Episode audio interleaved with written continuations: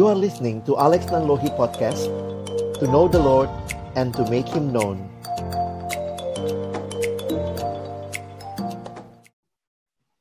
Selamat siang jemaat, apa kabar semua? Berharap baik ya. Baiklah, hari ini kita mau bahas satu sesi yang sangat sangat menarik sekali. Bagaimana kita membangun relasi komunikasi di dalam keluarga kita masing-masing antara orang tua dengan anak, anak bersama dengan orang tua. Nah, kita bersyukur Tuhan punya cara untuk memberkati setiap kita, anak-anaknya gitu ya. Kita bersyukur melihat bagaimana Tuhan memimpin, menyertai setiap kita dengan pembekalan, dengan firman Tuhan yang baik begitu. Nah, eh, baik, mungkin setiap kita sudah eh, tidak asing lagi dengan pembicara kita hari ini. Saya akan perkenalkan secara singkat mengenai pendeta Alex Nanlohi Alex Nanlohi berasal dari ujung pandang. Beliau uh, punya banyak pengalaman di dalam dunia pelayanan, teman-teman. Jadi uh, kita mau belajar banyak dari beliau uh, tentang komunikasi khususnya di antara keluarga, anak, orang tua, orang tua kepada anak, mungkin ada pergumulan dan lain sebagainya. Nah, kita lihat bagaimana pelayanan pendeta Alex Nanlohi, beliau mempunyai banyak sekali uh, pengalaman pelayanan begitu ya. Pengalaman pelayanan dan hari ini beliau melayani khususnya sebagai wakil sekjen Perkantas Nasional dan sudah banyak sekali terjun di dalam dunia pelayanan anak-anak muda. Baik, saya tidak akan berlama-lama. Uh, kita akan bersama-sama menyambut uh, pembicara kita, Pendeta Alex Nanlohi. Tapi sebelumnya saya mau sampaikan kepada rekan-rekan, uh, nanti setelah sesi akan dibuka tanya jawab, tanya jawab. Nah, jadi eh, rekan-rekan yang mau bertanya, silakan siapkan pertanyaannya, lalu kemudian nanti bisa mengetikkan pertanyaan tersebut di live chatnya kita. Nanti uh, pertanyaan akan dibacakan atau kalau mungkin nanti teman-teman bisa tuliskan kalau mau bicara secara langsung bisa tulis di live chatnya nanti kita akan persilahkan untuk bicara secara langsung. Baik, uh, kita undang sekali lagi pembicara kita Pendeta Alex Nanlohi. Silakan, Pak.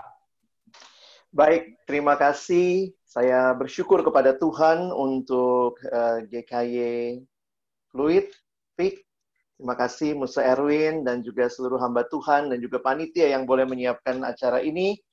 Uh, topik ini sangat menantang bagi saya sendiri karena ini adalah sebuah hal yang terjadi dan terus-menerus menjadi perjuangan di tengah-tengah melayani karena generasi terus berganti. Nah, mari sebelum kita membaca merenungkan firman Tuhan, kita berdoa terlebih dahulu. Bapa dalam surga, kami akan membuka firman-Mu, bukalah juga hati kami. Jadikanlah hati kami seperti tanah yang baik, supaya ketika setiap benih kebenaran firman ditaburkan boleh sungguh-sungguh berakar, bertumbuh dan berbuah nyata di dalam hidup kami. Berkati hambamu yang menyampaikan, setiap kami yang mendengar, juga interaksi di antara kami.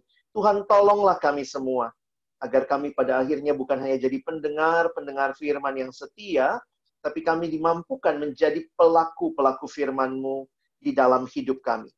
Bersabdalah ya Tuhan kami sedia mendengarnya dalam satu nama yang kudus, nama yang berkuasa, nama Tuhan kami Yesus Kristus. Kami menyerahkan pemberitaan firman-Mu. Amin. Ya, Bapak Ibu yang dikasihi Tuhan, jemaat sekalian, saya menyiapkan uh, presentasi slide buat kita. Karena itu saya harap juga sembari saya nanti menjelaskan, Bapak Ibu bisa melihat apa yang ada di slide yang sudah disiapkan.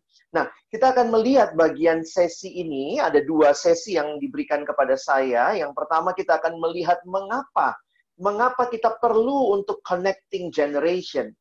Jadi ini hal yang pertama yang akan saya bahas dan dalam bagian yang kedua nanti kita juga akan melihat bagaimananya ya, mungkin hal-hal yang lebih praktis akan saya bahas di dalam bagian yang kedua. Nah, saya mau mulai dengan mengajak kita melihat next slide. Di dalam kejadian pasal yang kedua, di dalam kejadian 2 ayatnya yang ke-18 dikatakan di Alkitab kita Tuhan Allah berfirman tidak baik kalau manusia itu seorang diri saja. Aku akan menjadikan penolong baginya yang sepadan dengan dia. Jadi right from, from the beginning, Firman Tuhan menyatakan kepada kita setelah Allah menciptakan alam semesta ini, hari pertama baik, baik, baik, sampai sungguh amat baik, maka kejadian 2 ayat 18 pertama kali di Alkitab kita muncul kata tidak baik. Dan ini bicara apa? Tidak baik dalam kaitannya dengan relasi antar manusia. Dalam arti bahwa memang Tuhan mendesain. Tuhan sendirilah yang menciptakan kita Allah yang mendesain kita juga untuk membutuhkan sesama atau orang lain.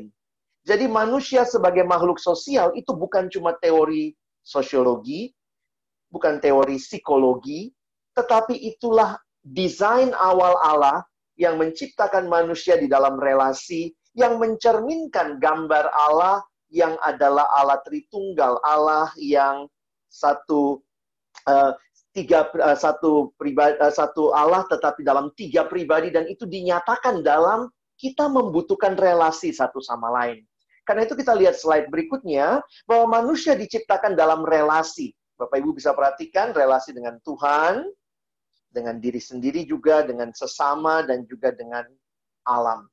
Jadi kita ini makhluk yang relational. Jadi sebenarnya sudah terjawab semua bagian pertama dari sesi ini, mengapa kita membutuhkan untuk connect? Karena memang secara dasarnya, natur kita, Allah menciptakan kita adalah manusia yang perlu relasi dengan sesama. Sebagaimana yang dikatakan dalam next slide, dikatakan oleh John Stott, sebagaimana ikan dibuat untuk air, maka umat manusia dibuat untuk kasih. Untuk mengasihi Allah dan mengasihi sesama kita. Loving God, loving people. Nah, apa yang membuat hal ini menjadi sangat uh, tough atau sekarang jadi pergumulan? Karena realitanya adalah next, manusia sudah jatuh dalam dosa. Kejadian pasal yang ketiga menuliskan bagaimana manusia jatuh ke dalam dosa dan memperhatikan bahwa dosa bukan hanya merusak relasi manusia dengan Allah, tetapi juga merusak relasi dengan manusia dengan sesama. Adam menyalahkan Hawa, Kemudian kita melihat sebaliknya dan di kejadian pasal 4, seorang koko tega bunuh dedeknya, adiknya sendiri. Dan ini menjadi satu realita betapa relasi yang begitu indah yang Tuhan ciptakan, yang harusnya connecting, menjadi relasi yang rusak karena dosa. Nah saudara, apa yang menarik di dalam karya Kristus? Kita lihat slide berikutnya. Nah, karya Kristus di kayu salib ternyata adalah karya yang bukan hanya mendamaikan manusia dengan Allah. Nanti kalau Bapak Ibu membaca secara khusus kitab Efesus misalnya, kita melihat bahwa karya Kristus bukan hanya mendamaikan manusia dengan Allah, tetapi juga mendamaikan manusia dengan sesamanya. Menarik sekali memperhatikan dalam salib juga ada dua dimensi ya. Ada dimensi yang vertikal, ini bisa mengingatkan kita bahwa di salib itu relasi dengan Allah sudah didamaikan. Tetapi juga ada dimensi horizontal. Relasi manusia dengan sesama juga didamaikan. Karena itu next slide, kalau kita memperhatikan keselamatan dalam Kristus, maka ini bukan hanya memiliki dimensi personal bagi kita secara pribadi, tetapi juga keselamatan kita memiliki dimensi sosial dalam arti bahwa Allah memulihkan juga relasi-relasi yang tadinya begitu indah dan kemudian dirusak dalam dosa.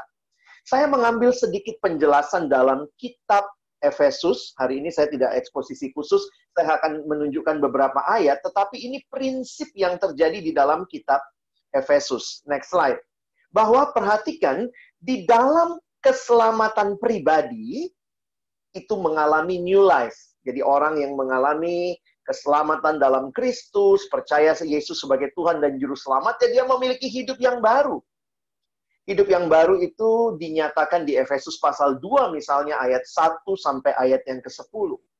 Dan kemudian dinyatakan bahwa harus ada standar hidup yang baru. Bukan lagi hidup dalam dosa, tapi hidup dalam kebenaran.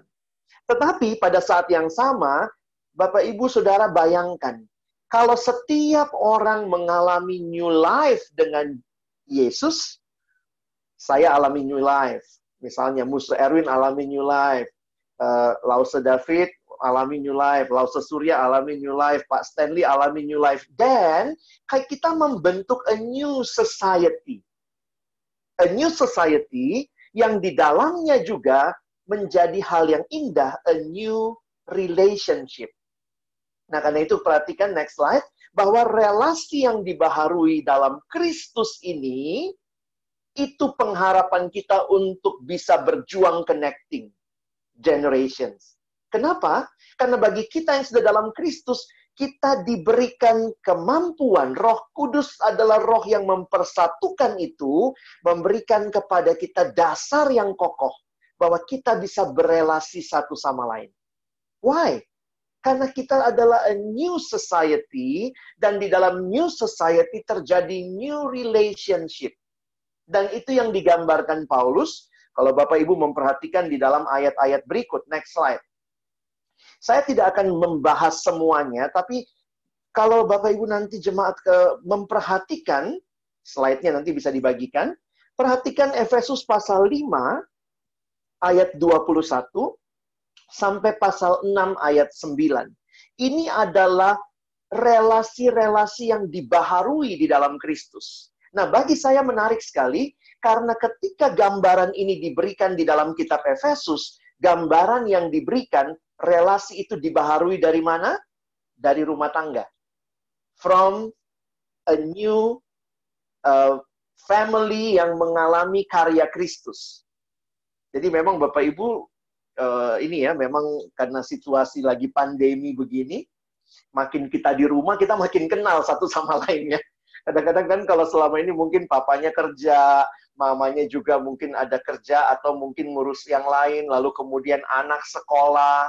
Jadi kayaknya uh, kita ketemunya itu dalam waktu-waktu yang tertentu saja kalau normal ya. Tetapi ternyata sekarang kita harus bertemu hampir 24/7 gitu ya.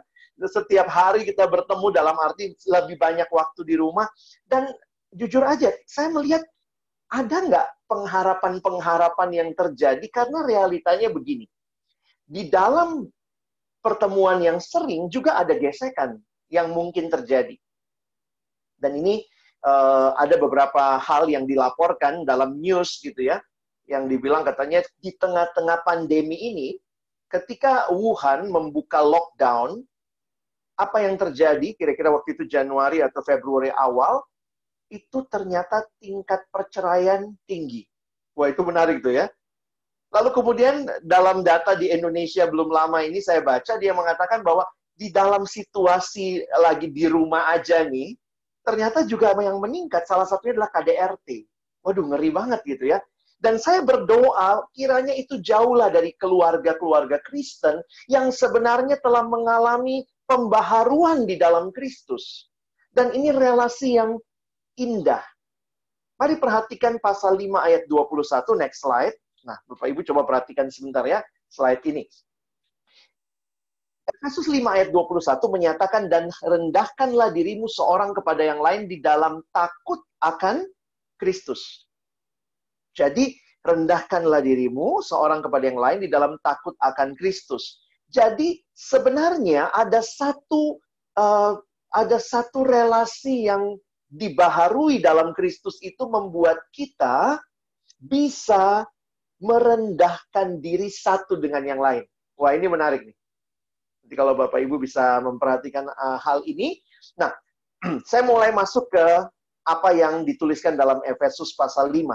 Semua ada di screen, saya tidak baca satu persatu, tapi lihat. Yang pertama, next. Ini yang pertama yang dibaharui, yang harusnya saling merendahkan diri satu sama lain, adalah relasi suami dengan istri. Nah, itu dibahas di Efesus 5 ayat 22 sampai ayat yang ke-33. Bapak Ibu lihat kata kuncinya saja yang saya buat dalam warna di situ ya. Hai istri, tanduklah suamimu. Bukan ya? Istri tunduk kepada suamimu seperti kepada Tuhan. Dan lihat bagian suami, hai suami, kasihilah istrimu ini menarik untuk kita perhatikan ya. Hai suami, kasihilah istrimu. Hai istri, tunduklah kepada suamimu. Sehingga disimpulkan di bagian ayat yang Bapak Ibu bisa lihat, bagaimanapun juga katanya, bagi kamu masing-masing berlaku kasihilah istrimu seperti dirimu sendiri dan istri hendaklah menghormati suaminya. Jadi saya pikir bahwa bagi kita orang-orang percaya connecting ini menjadi satu hal yang mungkin di dalam Kristus dan dalam pembaharuan itu Tuhan memberikan roh kudusnya yang memampukan kita bisa merendahkan diri satu sama lain. Istri tunduk dengan rela karena tahu juga bahwa suaminya adalah suami yang mengasihi istri. Next slide. Lihat relasi yang juga digambarkan. Ini relasi orang tua sama anak. Nah, ini lebih dekat sama bahasan kita ya. Nah, bagian anak, perhatikan nih, mungkin banyak yang remaja, pemuda gitu ya, yang ikut. Coba lihat nih, ini bagian anak nih. Anak-anak, taatilah orang tuamu di dalam Tuhan. Karena haruslah demikian hormatilah ayahmu dan ibumu. Ini adalah suatu perintah yang penting, sepertinya yang nyata dari janji ini supaya kamu berbahagia dan panjang umurmu di bumi. Ini bagian anak. Kata kuncinya taatilah, hormatilah. Nah, lihat lagi bagian bapak-bapak atau ini sebenarnya mewakili orang tua ya. Dan kamu bapak-bapak janganlah bangkitkan amarah di dalam hati anak-anakmu. Tetapi didiklah mereka di dalam ajaran dan nasihat Tuhan. Wah, ini perjuangan ini. Karena kita diminta di dalam Tuhan kita punya kemampuan yang diberikan oleh Roh Kudus untuk kita bisa anak taat dan hormat dan orang tua tidak membangkitkan amarah tetapi mendidik anak di dalam ajaran dan nasihat Tuhan. Jadi sebenarnya nggak ada pilihan nih, mesti connecting apa enggak nih sebagai keluarga? Ya mesti firman Tuhan mengingatkan kita. Dan saya pikir ini juga berlaku dalam relasi yang lebih luas, misalnya dengan grandfather, grandmother, cucu, orang tua, apa ya, opa oma.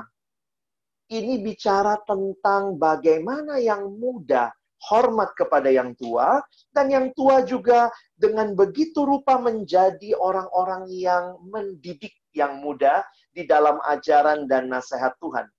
Next slide, kita lihat ini dalam bahasa Indonesia sehari-hari, ayatnya berbicara, saudara-saudara yang menjadi ayah, ya, ayat yang sama tadi ya, janganlah memperlakukan anak-anakmu sedemikian rupa sehingga mereka menjadi marah Nah ini kenapa marah gitu ya? Nah ini yang kita perlu coba nanti perhatikan bagaimana nih. Sebaliknya, besarkanlah mereka. Jadi maksudnya raise them up dengan tata tertib dan pengajaran Tuhan. Nah, nanti Bapak Ibu bisa lihat lagi ditutup dengan next relasi antara tuan sama hamba. Jadi menarik sekali di dalam household di, di masa itu ada juga orang-orang yang punya hamba. Jadi suami istri anak, dan ada hamba. Ini mirip kayak household kita juga ya, walaupun yang sekarang ada di rumah mungkin uh, asisten rumah tangga kan mereka bukan hamba dalam arti seperti zaman dulu yang dibeli oleh tuannya. Tapi ini digambarkan bagaimana hamba, hamba harus taat kepada Tuhan dengan takut dan gentar seperti taat kepada Kristus. Bagiannya Tuhan. Next slide. Bagiannya Tuhan ini jauhkanlah ancaman, jangan ngancem-ngancem gitu ya. Tetapi benar-benar bisa dengan indah dan baik gitu ya, membangun satu relasi. Jadi Bapak Ibu Saudara yang dikasih Tuhan dari ayat-ayat ini menggambarkan kepada kita betapa pentingnya kita membangun koneksi di dalam Kristus karena kita sudah dibaharui, kita punya kemampuan yang Tuhan berikan melalui kehadiran Roh Kudus memberikan kita kesanggupan untuk connecting. Dan menarik kenapa? Karena di dalam Alkitab banyak sekali ayat yang bicara saling. Kalau bahasa Inggris mungkin Bapak Ibu bisa lihat next slide dipakai istilah one another. Jujur aja selama ini kalau saya baca karena saya akan persiapan lagi untuk sesi ini, selama ini kalau saya baca one another one another ini saya selalu mikirnya jemaat, mikirnya jemaat. Tapi kayak Tuhan ingatkan saya lagi, ini sebelum terjadi di jemaat, tapi apakah terjadi di rumah tangga kita? Apakah kita menerima satu dengan yang lain? Care for one another? Carry each other's burdens? Saling mengampuni ya, ini paling jelas harus terjadi di rumah tangga gitu ya. Karena apa? Realitanya yang yang dekat itu mungkin bisa membuat kita sakit gitu ya terluka. Saya ingat dosen psikologi saya bilang begini, yang mungkin menyakiti kita bukan orang yang jauh dari kita, tapi justru orang yang dekat. Ya, Bapak Ibu ada yang disakiti oleh siapa? Donald Trump minggu lalu. Wah, Donald Trump terlalu jauh ya. Yang menyakiti kita siapa? Suami, istri, mertua, anak, menantu, gitu ya. Mungkin itu, itu akhirnya saya melihat, iya ya, Alkitab penuh dengan realita kita diberikan relasi dan kita harus membangun relasi itu terjadi nih antar generasi harusnya ada care for one another, saling mengampuni, saling encourage, saling build up, saling mengaku dosa, saling mendoakan, saling melayani, saling mengasihi. Saya garis bawahi kalimat Musa Erwin tadi di awal. Betapa luar biasanya gereja saling membutuhkan setiap generasi Generasi yang tua mengasihi yang muda. Yang muda kalian masa depan gereja. Belajar menerima juga yang tua, begitu ya. Nah ini saya sering kali kalau bicara anak muda, kesannya saya gebelain yang tua. Kalau saya bicaranya ke yang tua, ah Pak Alex kayaknya gebelain yang muda. Nah hari ini saya berusaha netral di tengah ya, karena audiens kita katanya ada muda, ada tua nih. Mari kita melihat ini one anothering ini, ini panggilan kita dalam Tuhan. Kurang banyak Bapak Ibu. Nih, lihat lagi next slide. Nanti bisa di screenshot aja ya. Wow, banyak banget one anothering, one anothering. Dan ini adalah panggilan kita untuk connecting.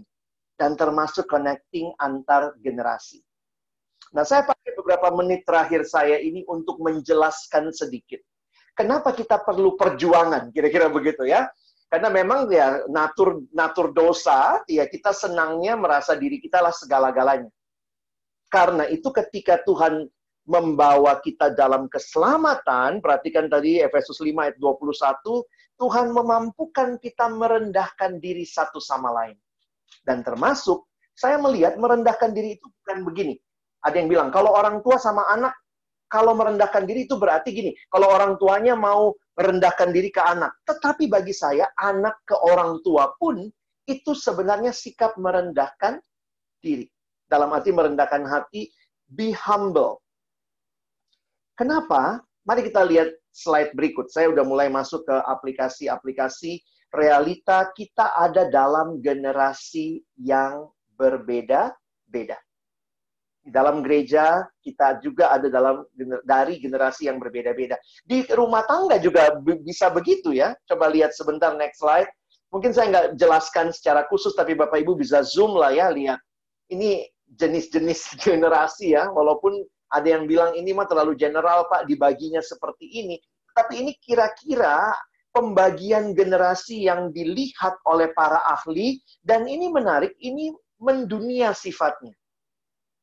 Tentu ada kekhususan setiap negara, setiap regio, tetapi secara umum kenapa? Karena dunia makin mengglobal. Baby boomers misalnya, orang-orang yang lahir sekitar tahun 46 sampai 64, Nah ini engkong kita kali gitu ya. Mereka yang lahir-lahir tahun segitu atau beberapa dari bapak ibu ada yang punya orang tua yang ada di uh, lahir di tahun sebegitu ya. Mereka itu karena orang-orang setelah perang dunia. Ingat perang dunia melanda seluruh dunia sehingga mereka tuh baby boomers yang dipakai istilah baby boomers itu berjiwa petualang, optimistik, berorientasi sama kerja. Dan mungkin di rumah juga ada generasi ya, ada generasi X, itu 65 sampai 76, saya masuk X. Ada generasi milenial yang lahir, nah ini milenial juga tergantung buku yang dipakai ya. Saya ambil slide ini maksudnya untuk menunjukkan, bayangkan di generasi, di, di sebuah rumah tangga bisa jadi ada orang-orang dari berbagai generasi ini. Yang uh, apa ya, yang engkongnya, akungnya, kungkungnya ceritanya Dulu kungkung ke sekolah tuh jalan kaki 3 km tidak pakai sendal. Cucunya yang dengar itu siapa suruh hidup zaman dulu gitu kali ya. Tapi itu realita. Kenapa? Karena ini generasi yang sangat tough. Mereka orang-orang yang berjiwa optimistik karena waktu itu habis perang. Mereka ingin membangun yang baru.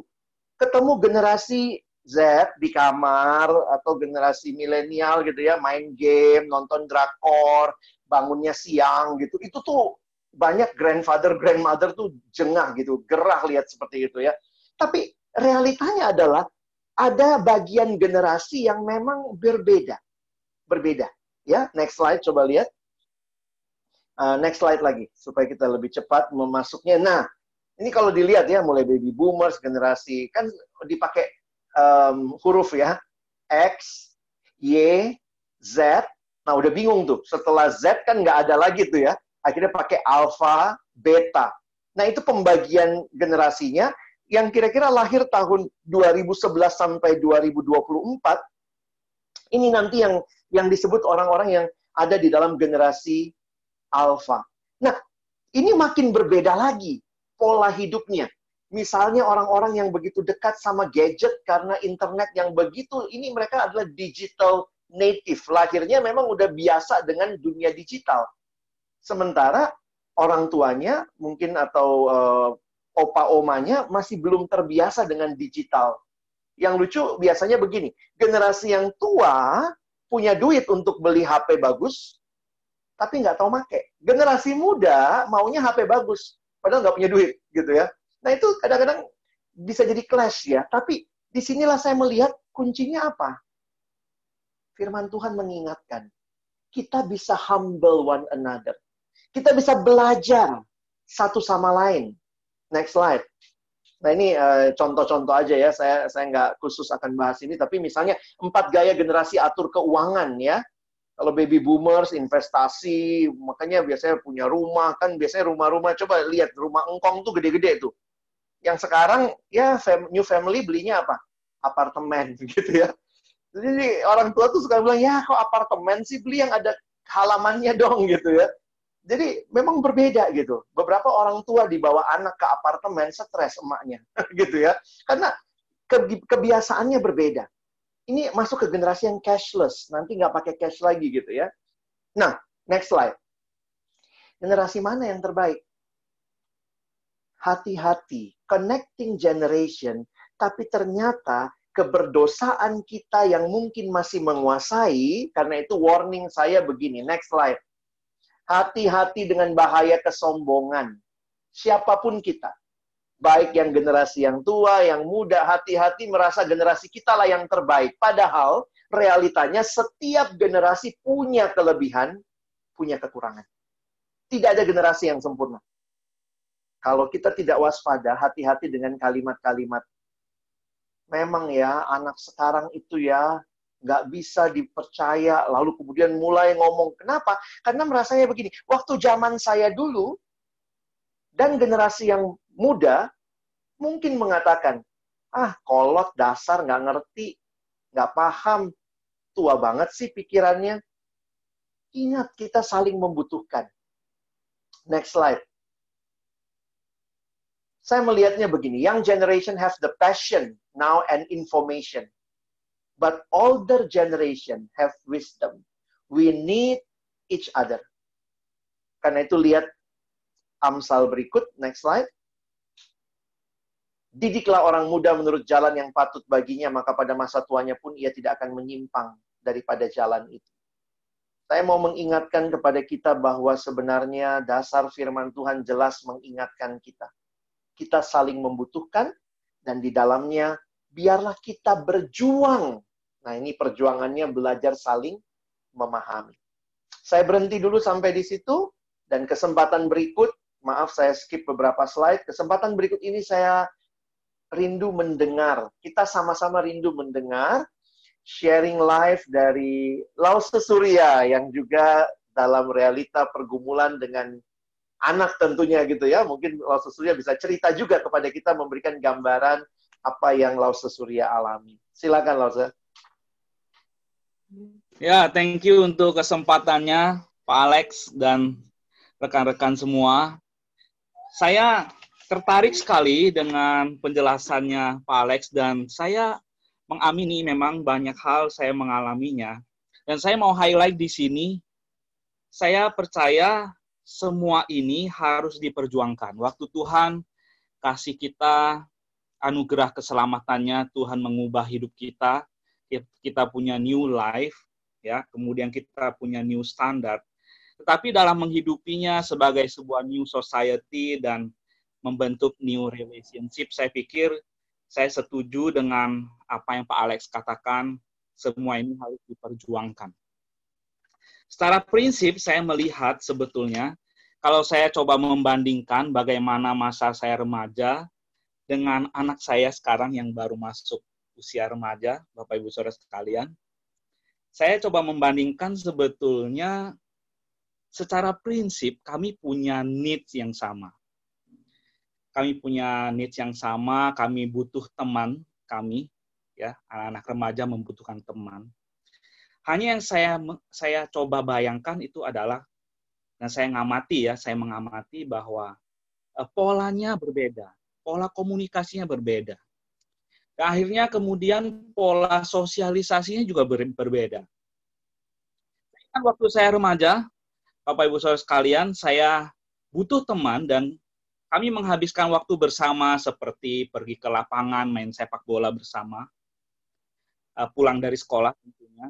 Kemudian kami juga uh, bersepeda bersama, ya menghabiskan waktu uh, bermain badminton di lapangan sekolah.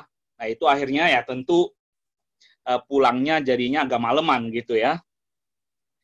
Nah sebetulnya saya perhatikan anak saya juga punya need yang sama, hanya dia menghabiskan uh, waktu bersosialisasi itu dengan game online dengan teman-temannya. Satu kali saya ingat sebelum pandemi ini, sebelum pandemi, so, uh, apa uh, anak saya dia ngomong pak besok sore jam 3 sore saya harus online sama teman. Loh kenapa harus gitu ya? Saya kalau dengar kata harus tuh jadi wah kenapa harus ya? Begitu ya karena dia katakan uh, teman saya akan merayakan ulang tahun di Roblox. Wah ini hal baru nih buat saya. Seperti itu ya. Nah, saya mengamati juga uh, dalam hal seperti itu saya cukup struggle sebetulnya. Uh, saya bandingkan dengan waktu lalu, waktu saya remaja, kami menghabiskan waktu bersama dengan teman. Itu saya dikontrol oleh orang tua saya dengan waktu yang jelas. Ya, jam berapa sampai jam berapa saya harus pulang ke rumah. Nah, sekarang anak saya kadang-kadang saya sulit memberikan kontrol karena ini sulit memberikan batasan-batasan. Um, cara interaksinya itu melalui online, kerjain tugas juga online, um, kerja kelompok juga online, begitu, mainnya juga online. Jadi bagaimana ini? Apalagi setelah pandemi, dalam situasi pandemik ini sekolah aja juga online, begitu ya. Nah, jadi kadang-kadang saya di satu sisi saya kasihan juga lihat anak saya sepanjang hari dia ada di depan screen.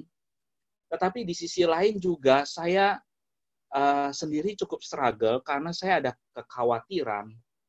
Saya khawatir anak saya punya uh, cara bersosialisasi yang um, um, apakah dia terbiasa dengan bersosialisasi dengan face to face seperti itu seperti ini yang yang biasa uh, di generasi saya lakukan seperti itu. Nah, saya juga berpikir bahwa apakah ini juga menjadi penting kemudian. Nah, ini juga mungkin saya uh, dengan pertanyaan-pertanyaan uh, ini juga saya jadi lebih antusias untuk masuk sesi berikutnya, Pak Alex. Saya ingin juga mungkin melalui sesi berikutnya saya mendapatkan insight ya, Pak Alex ya, seperti itu. Saya nggak tahu apakah uh, jemaat sekalian, Bapak Ibu Saudara sekalian punya struggle yang sama dengan saya menghadapi hal yang sama. Tapi saya percaya, Bapak Ibu, uh, semua itu harus diusahakan, dikerjakan. Nah, saya tahu itu begitu pentingnya relasi antara orang tua dengan anak. Oleh sebab itu, saya ingin belajar dengan rendah hati, untuk mengerjakan itu semua dengan baik supaya relasi saya dengan anak saya itu semakin baik. Saya tidak menghadapi dia dengan judgement, ya, karena itu kelihatan dia merasa judge, uh, saya dijudge begitu ya.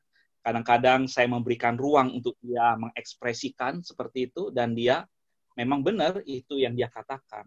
Saya merasa dijudge, dituntut yang Uh, padahal saya tidak seperti itu begitu ya. Nah, ini Tentu sesi-sesi ini sangat bermanfaat buat saya. Uh, bagaimana ini uh, meningkatkan kemampuan komunikasi saya dengan anak saya. Thank you. Sharing saya sampai di sini, Pak Alex. Terima kasih banyak, Lause. Uh, saya senang sekali mendengar juga bahwa ya mengusahakan itu jadi bagian yang tadi Lause Surya sampaikan. Nah, Bapak Ibu yang dikasihi Tuhan, kalau ada pertanyaan dulu sejauh ini sebelum kita lanjut. Kalau ada yang mungkin ingin bertanya dari bagian pertama sesi ini tentang hal-hal yang mendasari mengapa kita perlu membangun connecting ini ya, mengusahakan. Tadi ya. ada di Ini ada satu silakan. pertanyaan ya. dari Bapak Joko Raharjo. Ya. Um, ya baik, saya bacakan atau Pak Joko mau langsung ngomong?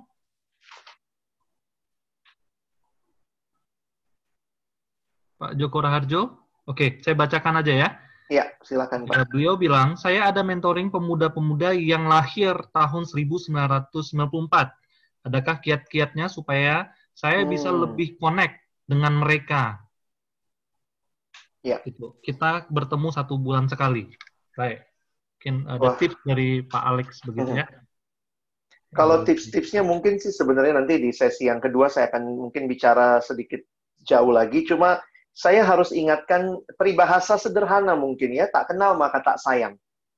Jadi bagaimana Bapak Ibu bisa kenal generasi yang dibimbing, ya belajar untuk kenal mereka supaya makin sayang. Demikian juga sebenarnya kalau generasi yang lebih muda bagaimana untuk bisa makin memahami yang lebih senior, mesti belajar untuk mendengar dan melihat apa yang jadi bagian yang uh, polanya mungkin begini ya.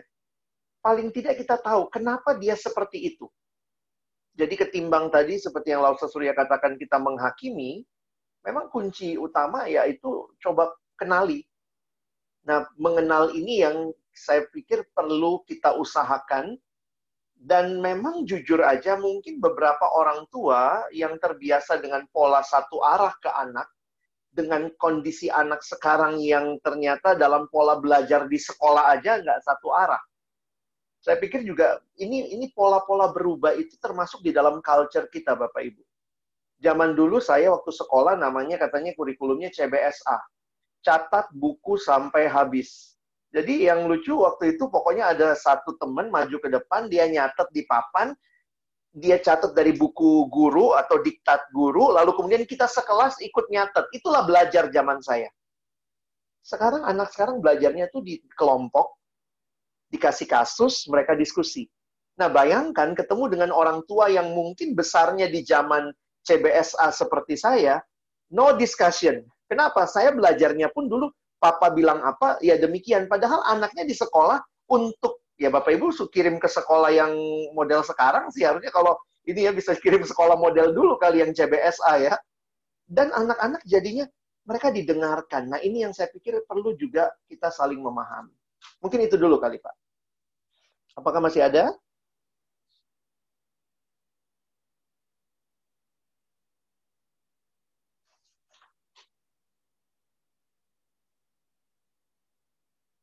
Kalau ada lagi, silahkan. Kalau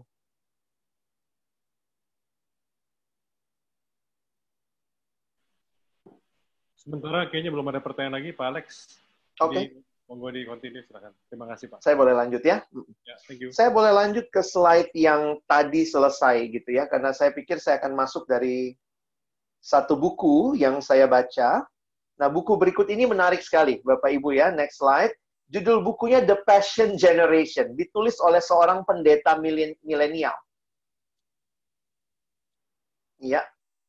Uh, nah, buku Passion Generation, nah ini pendetanya yang sebelah kanan ini ya. Bapak Ibu nggak tahu nih kalau di tempat kita diizinin hotman nggak ya, tatonya gede banget tuh. Tapi dia pendeta milenial dan menarik sekali dalam buku ini saya mendapat beberapa hal yang dia garis bawahi dan ini mungkin yang saya mau berikan sebagai satu landasan berpikir untuk kita mengusahakan bersama. Nah, dari pelayanan saya di Perkantas, kami sudah menerjemahkan buku ini. Ya, e, saya sekalian uh, kasih tahu kepada Bapak Ibu. Next slide ya, kalau Bapak Ibu ada yang tertarik untuk mendapatkan buku ini, ini sudah dalam bahasa Indonesia dan ada di Google Play. Di Google Play silakan cari generasi penuh hasrat dalam bentuk e-book ada di sana. Kalau cetak juga tersedia. Nah, tapi saya nggak lagi promosi bukunya ya, tapi saya senang dengan isinya. Jadi saya juga ber, ber, apa waktu itu promote buku ini supaya diterjemahkan ke bahasa Indonesia menarik sekali waktu bicara soal gap generasi dan khususnya dia mewakili jadi buku ini dia tulis untuk dua untuk orang yang dewasa yang senior dan juga untuk milenial jadi dia berbicara kepada generasinya dan juga kepada generasi yang senior. Jadi dia seolah-olah berdiri di tengah, jadi jembatan. Nah, ini beberapa pertanyaan kita kan biasanya seperti itu ya. Gimana jadi jembatan? Nah, bagi saya menarik sekali apa yang dia amati. Nah, perhatikan next slide. Dia mengatakan begini, ini tesis bukunya sebenarnya. The church doesn't have a millennial problem. Beberapa gereja kan kebingungan, gimana cara ngadepin milenial? Pemuda kita berkurang nih di gereja nih, gimana nih? Jadi dia bilang the church doesn't have a millennial problem. It has a discipleship problem. Wow, saya waktu mendengar ini saya coba mencerna iya juga ya. Karena nanti habis milenial jangan lupa ada generasi Y, Z gitu ya, eh, milenial tuh X gitu ya. Nanti ada generasi Z, habis Z ada generasi alpha. Apakah kita akan selalu mengatakan setiap generasi ini masalah nih?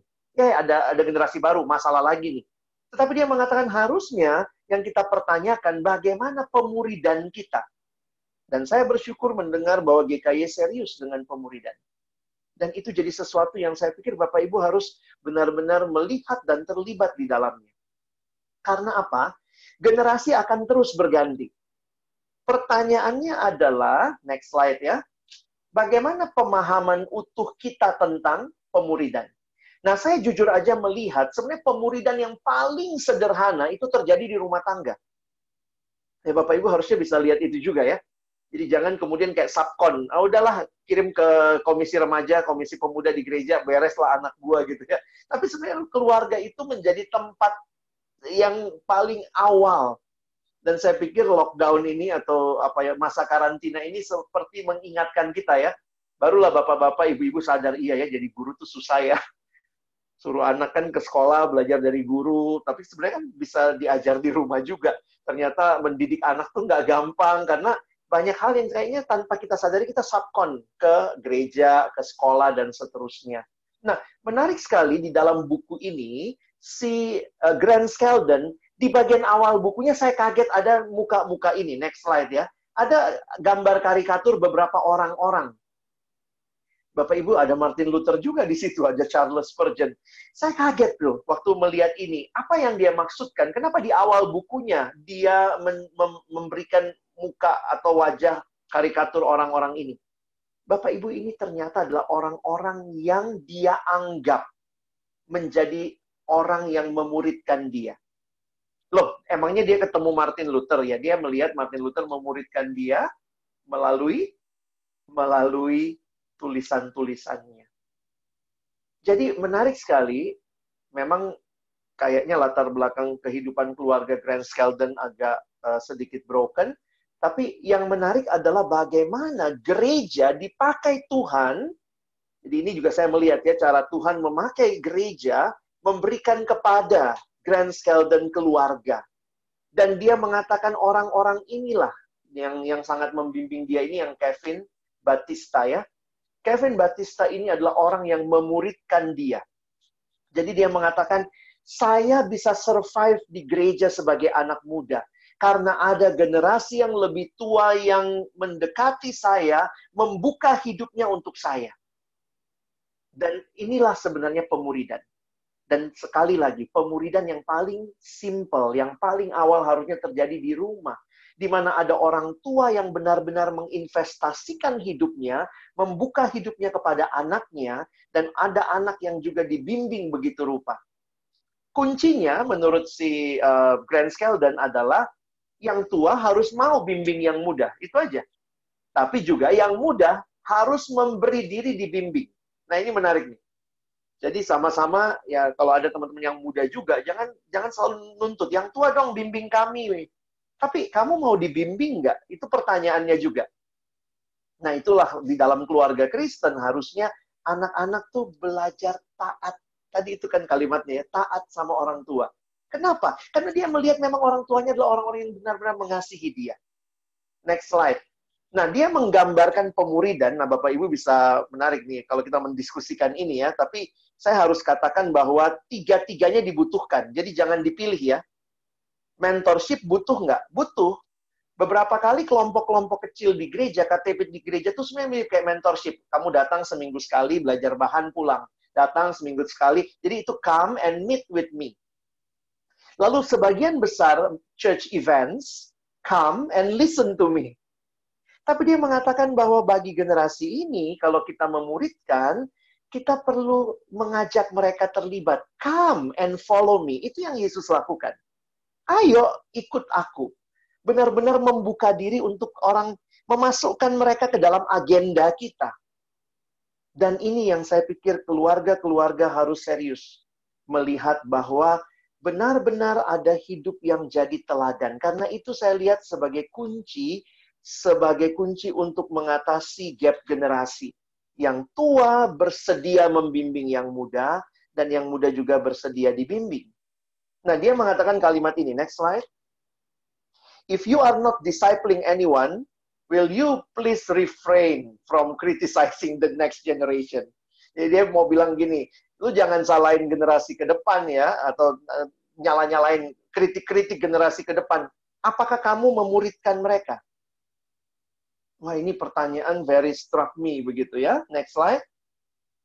Nah, ini dikatakan lagi, you can't expect what you don't invest. Bapak Ibu banyak kali di gereja kita bilang anak muda tuh harusnya begini, harusnya begini, harusnya begini. Pertanyaannya Bapak Ibu udah ngapain?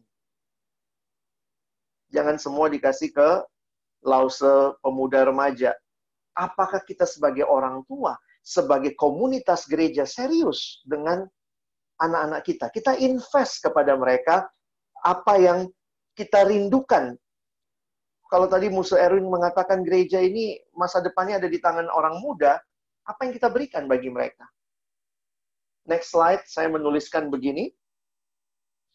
Warisan terbaik bagi generasi muda adalah teladan yang baik dari generasi yang lebih tua.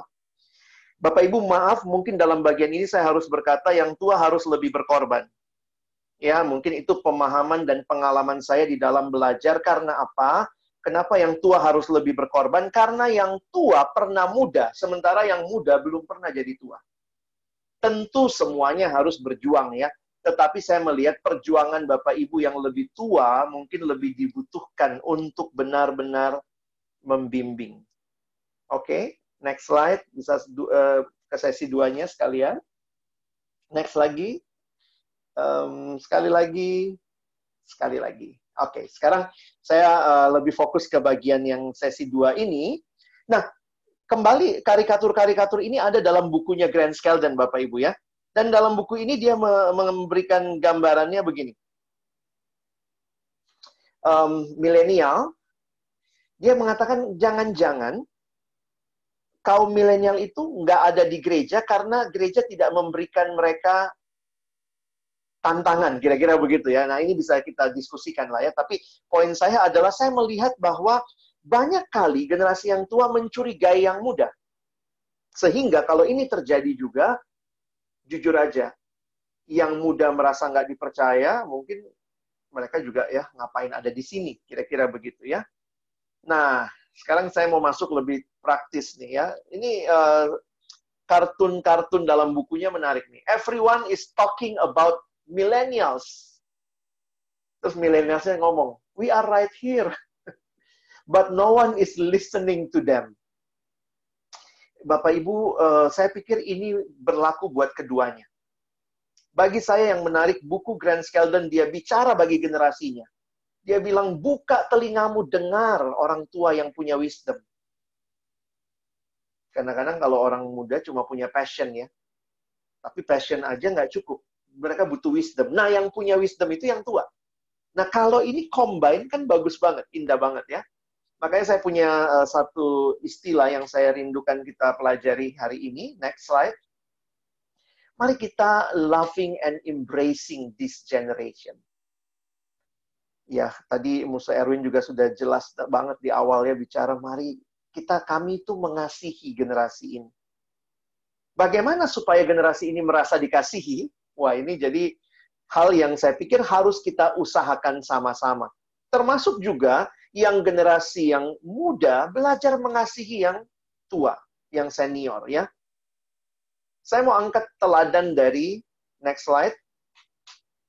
Nah, memang uh, kita nggak bisa baca semua ayatnya, tapi kalau Bapak Ibu nanti ada waktu, coba pelajari kisah ini. Di dalam beberapa buku pelayanan kaum muda yang terakhir saya ikuti atau saya baca atau dalam seminar, ayat ini terus diangkat sebagai teladan yang penting membangun jembatan. Nah, ini yang saya pikir jadi sebenarnya nih bukan hanya baru sekarang nih. Gimana no kalau generasinya X, generasinya Y, gimana tipsnya? Saya melihat dari zaman Yesus loh. Yesus generasi apa nih? Karena sebenarnya nilai-nilai karakter-karakter yang dimiliki oleh Yesus yang ketika Bapak Ibu dan saya mengaku di dalam Yesus dan kita memiliki itu, itu penting, itu cukup untuk membangun jembatan. Bapak Ibu ada beberapa hal yang terjadi di dalam peristiwa ini. Ini peristiwa Yesus berjalan bersama kedua orang murid ke Emmaus. Saya bacakan sebentar beberapa bagian saja. Lukas 24 ayat yang ke-13. Pada hari itu juga, dua orang dari murid-murid Yesus pergi ke sebuah kampung bernama Emmaus yang terletak kira-kira tujuh mil jauhnya dari Yerusalem. Dan mereka bercakap-cakap tentang segala sesuatu yang telah terjadi. Ketika mereka sedang bercakap-cakap dan bertukar pikiran, datanglah Yesus sendiri mendekati mereka, lalu berjalan bersama-sama dengan mereka.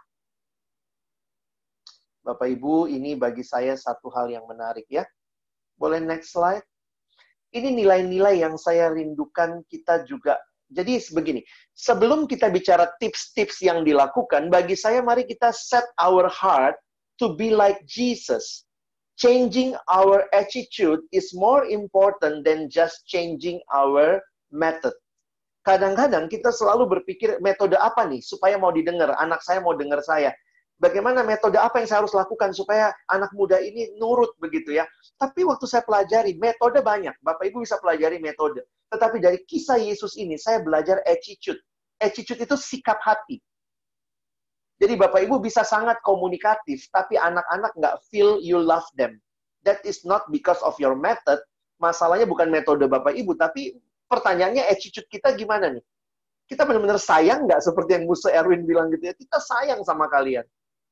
Dan mereka rasain itu bukan karena metode kita, wih ini orangnya menarik tuh, dia kalau ngomong interaktif. Tetapi benar-benar they feel karena mereka lihat hati kita. Dan itu memang tidak bisa dibohongin ya. Saya pikir memang uh, dalam realita, yang pertama saya lihat nilainya itu Yesus mendekati mereka. Jadi ketimbang nunggu mereka datang, kadang-kadang kan yang tua juga tanpa sadar gitu ya. Lu yang muda dong, lu yang butuh gua, lu yang datang sama gua gue yang papa, lu minta, lu nggak minta, gue nggak kasih gitu ya. But somehow Yesus nih ya, dia datang kepada mereka, lalu kemudian yang menarik adalah Yesus berjalan bersama mereka. Nah ini menarik ya. Journeying with the person. Kadang-kadang kita senangnya nunggu di ujung. Makanya ada yang bilang kalau dulu dalam pelayanan remaja zaman dulu tuh, uh, karena memang generasinya agak beda ya tapi dulu itu biasanya kita begini ya. Ini ini saya misalnya pembimbing remaja lalu ada anak remaja terus bilang gini, "Yuk, kita jalan ya." Ke mana? Ke sana tuh, ditunjukin. Kita mau ke sana. Oke, ini petanya, lu pegang petanya, nanti kita ketemu di sana. Nah, anak dulu tuh pegang petanya, jalan, nyampe dia ke sana. Nah, anak sekarang, pelayanannya polanya apa? Ini peta. Kita mau ke sana. Yuk, saya temenin kamu jalan. Journeying together with the person. That is something very different. Kalau Bapak Ibu di dalam keseharian di rumah hanya memberi perintah dan berharap perintah itu ditaati dengan sampai pokoknya ke situ gitu ya. Memang kan ada yang bilang, loh kalau gitu anak gue nggak mandiri-mandiri dong Pak.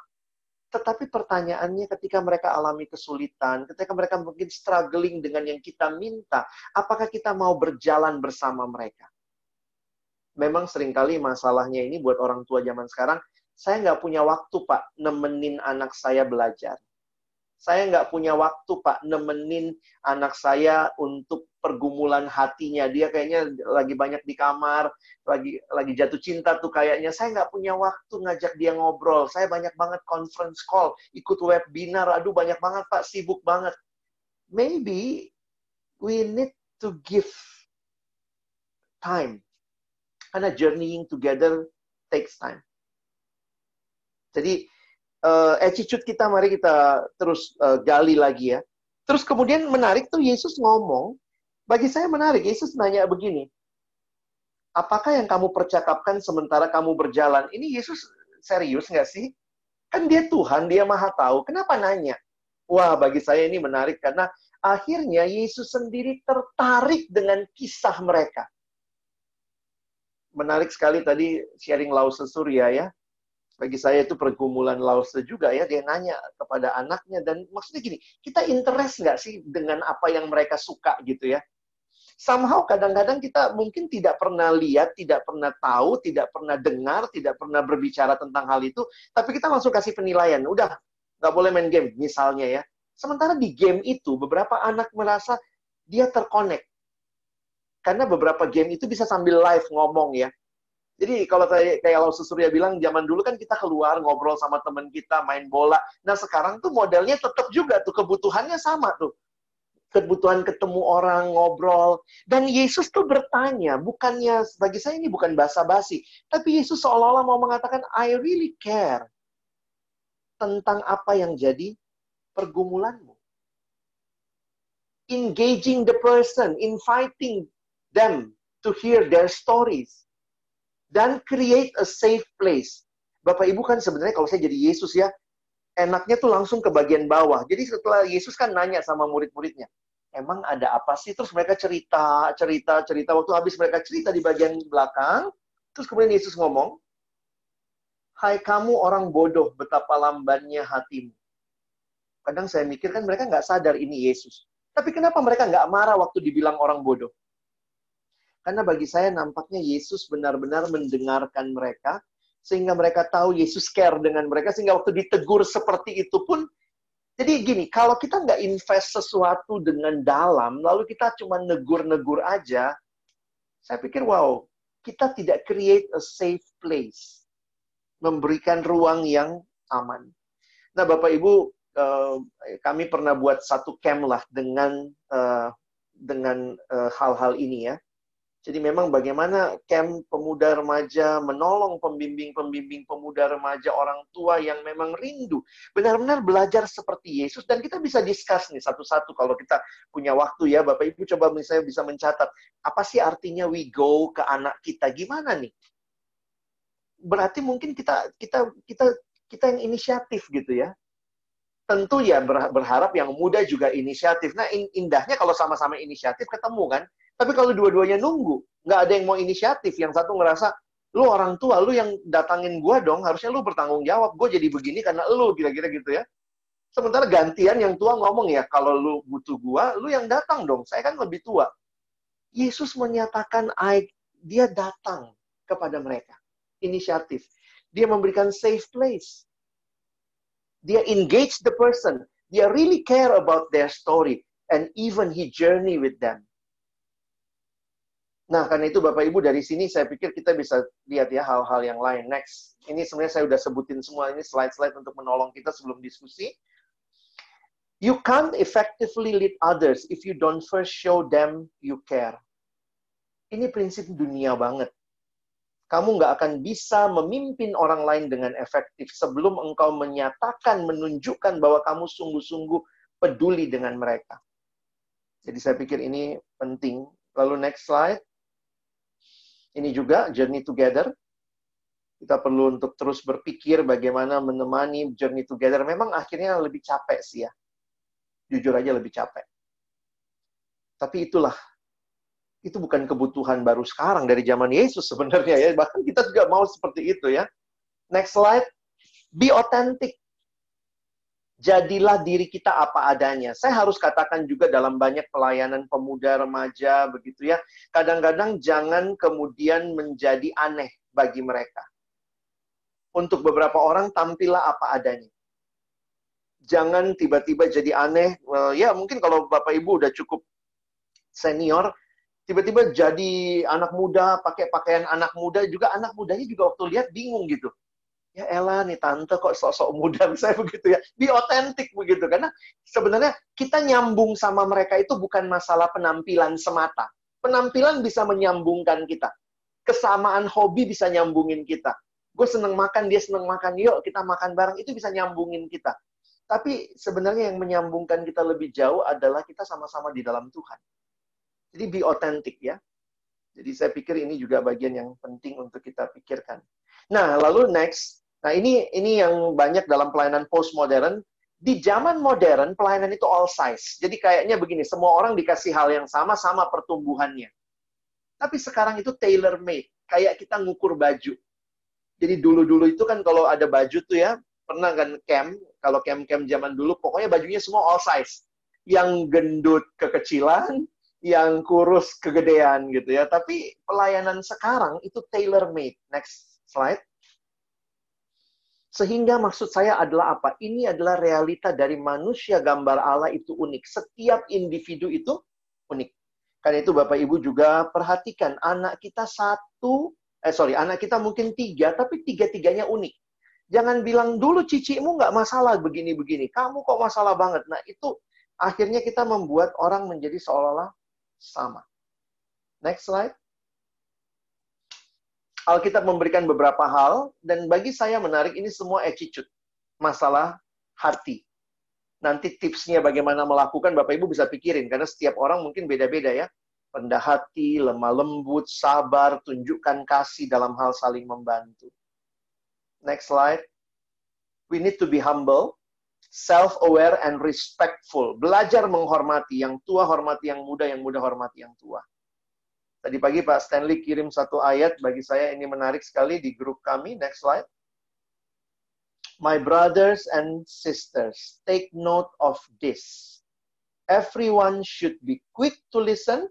Hendaklah setiap orang cepat untuk mendengar, slow to speak, tapi lambat untuk berkata-kata, dan lambat untuk marah. Wow. Saya pikir waktu saya tadi pagi baca ayat ini, saya pikir saya harus masukin. Ini adalah hal very practical. Yuk belajar mendengar. Memang susah ya mendengar itu ya. Kita pengennya lebih cepat ngomong. Terus belum belum belum tahu persisnya kasusnya seperti apa, udah pengennya langsung marah begitu ya. Next slide. You have two ears and one mouth. Kamu punya dua telinga, satu mulut sehingga saudara dan saya harusnya mendengar dua kali lebih banyak daripada kita berbicara. Karena itu pertanyaan saya setelah Bapak Ibu mendengar ini, next slide, termasuk juga teman-teman pemuda remaja kalian mendengar ini, what changes that you should make? Perubahan apa yang kamu harus lakukan?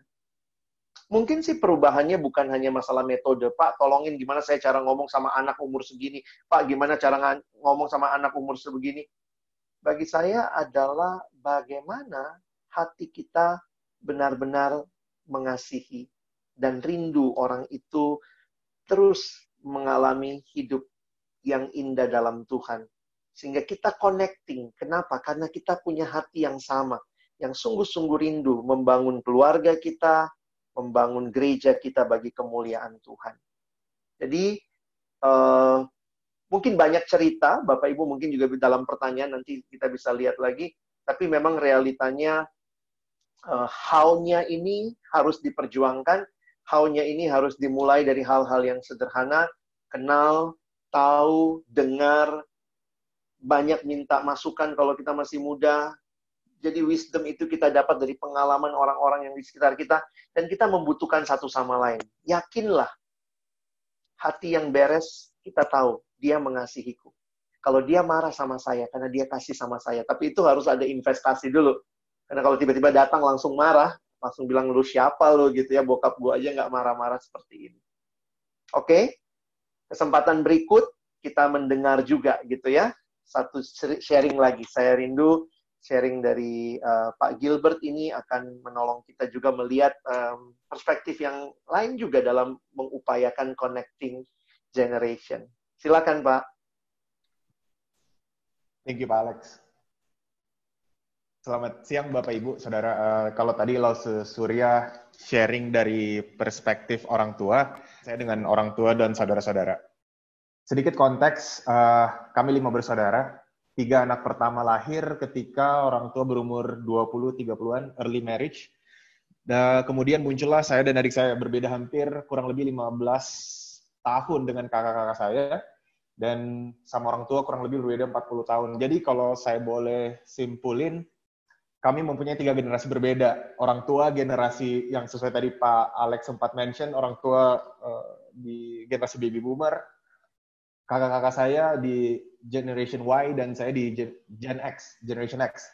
Semua lahir di era yang sedikit berbeda.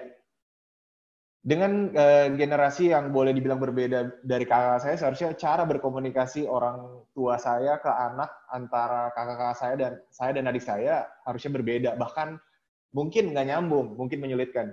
Tetapi sebagai anak, kami nggak pernah merasa kesulitan itu. Uh, kekesalan antara orang tua dan anak tetap terjadi seperti biasa.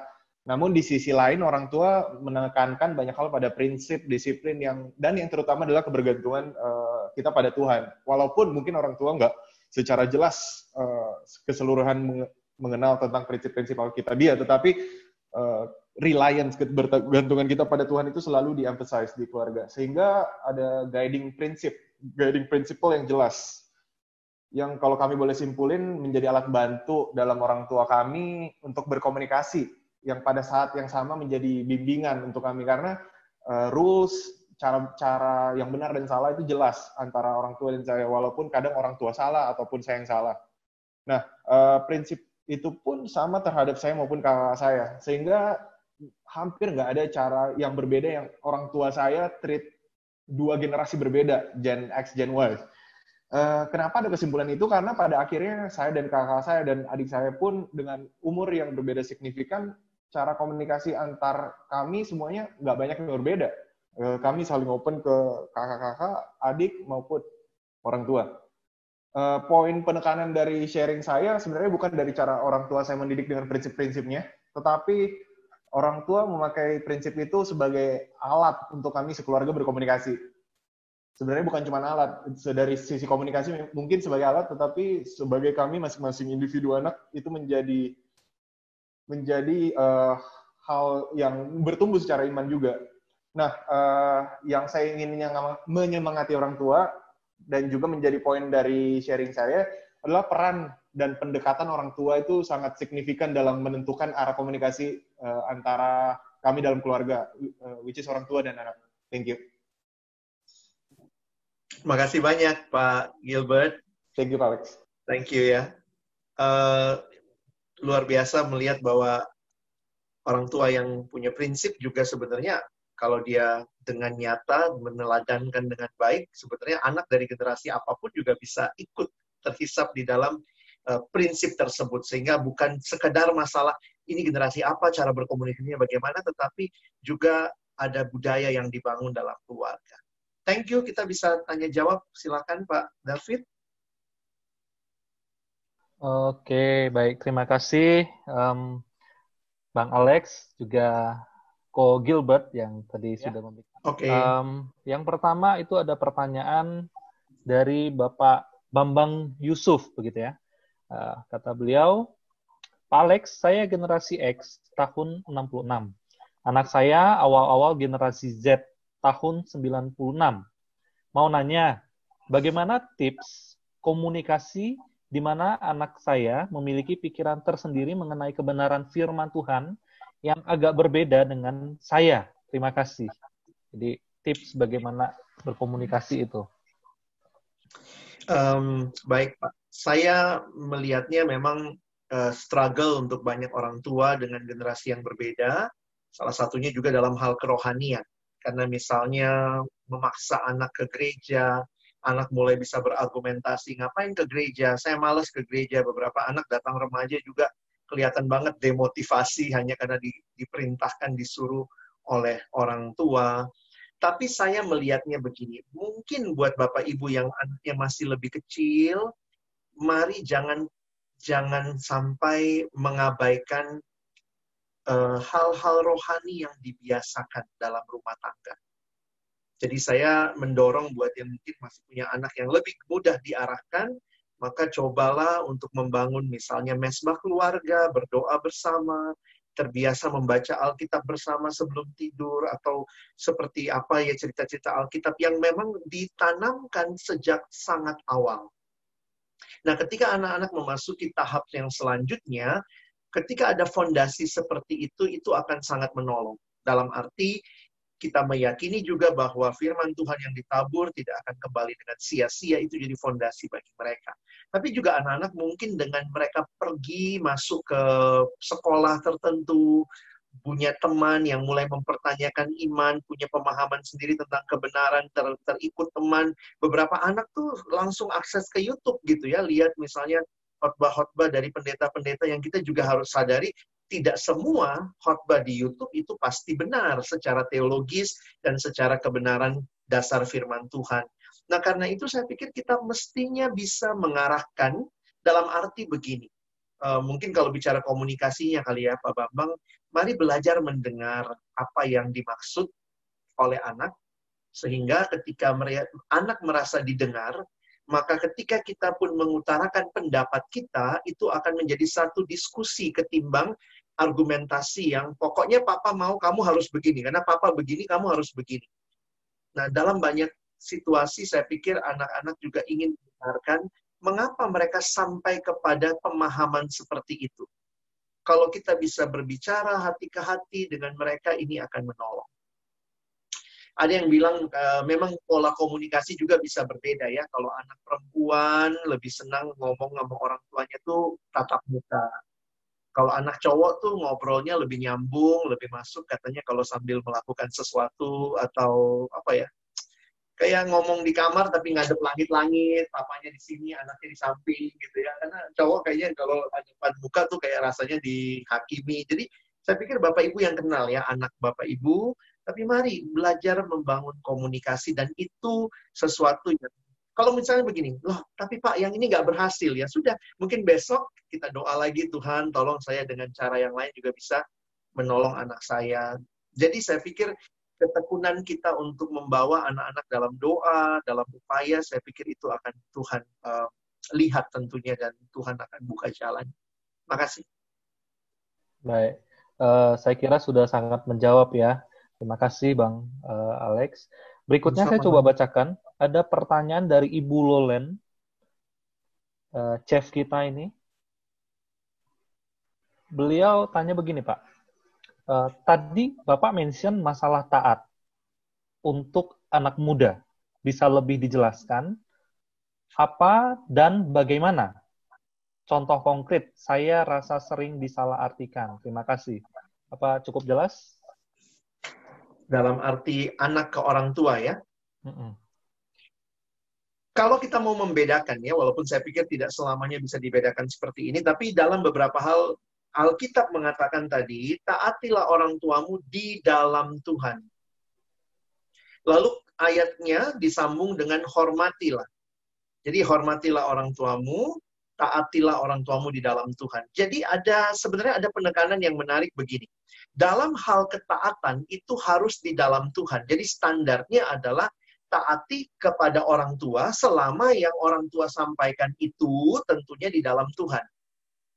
Jadi kalau misalnya kita lihat ada dua hal nih ya, lebih taat sama orang tua atau lebih taat sama Tuhan. Maka kita harus lebih taat sama Tuhan.